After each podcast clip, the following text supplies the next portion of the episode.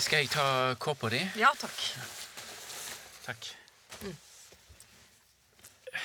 Vil du ha en kopp kaffe? Jeg drakk så mye kaffe etter kirka, jeg. ellers takk. Huh, Det er pent her. Ja, jeg p- prøver. Er det hun som har malt det bildet her? Ja, da, der er et av hennes, ja. Mm. Eh, Hva med et glass vin, kanskje? Gjerne det. Seremonien var fin. Jo, absolutt. Det er et flott rom. Jeg mener, eh, flott kirke, mener jeg. Pen, pent. Presten var flink, syntes jeg. Ja. Hadde ikke sett hun før. Nei, ikke jeg heller. Hvor lenge har dere bodd her? Vi flytta inn eh, like etter vi gifta oss. Det er vel seks år siden nå. Eh, Har, du- har du virkelig aldri vært her og besøkt oss? Nei, dessverre. Men jeg reiser aldri noe sted lenger heller. Nei, Sier mannen din. Ja, nettopp. Alt skal liksom opp i dag, ser det ut til. Ja, f- Kan du ikke finne litt vann nå, kjære deg? Men blir så tørst av denne drikkinga. Jo, sjølsagt.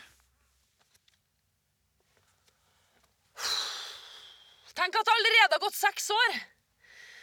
Ja, Du var vel noen år eldre enn hun allerede den gangen. Jeg har vært 22 år da vi gifta oss. Akkurat ferdig på Kunsthøgskolen, så hun ville blitt 28. Jeg fyller 37 i år. På vinteren? Stemmer. I november. Å! Ja. Samme måned som vi gifta oss. Vinterbryllupet! Ja, da, da var jeg hennes side. Ja, så klart. Ja, Dere var jo nokså ivrig.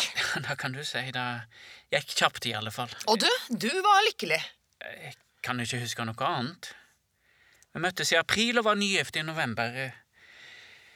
Jeg eh, Ja, det bleikna jo litt etter den siste uka, så Hun var alt for meg. Vi skåler for hun. Hva? Ja, for Sara Lys. For Sara. Venter du besøk? Eh, Nei.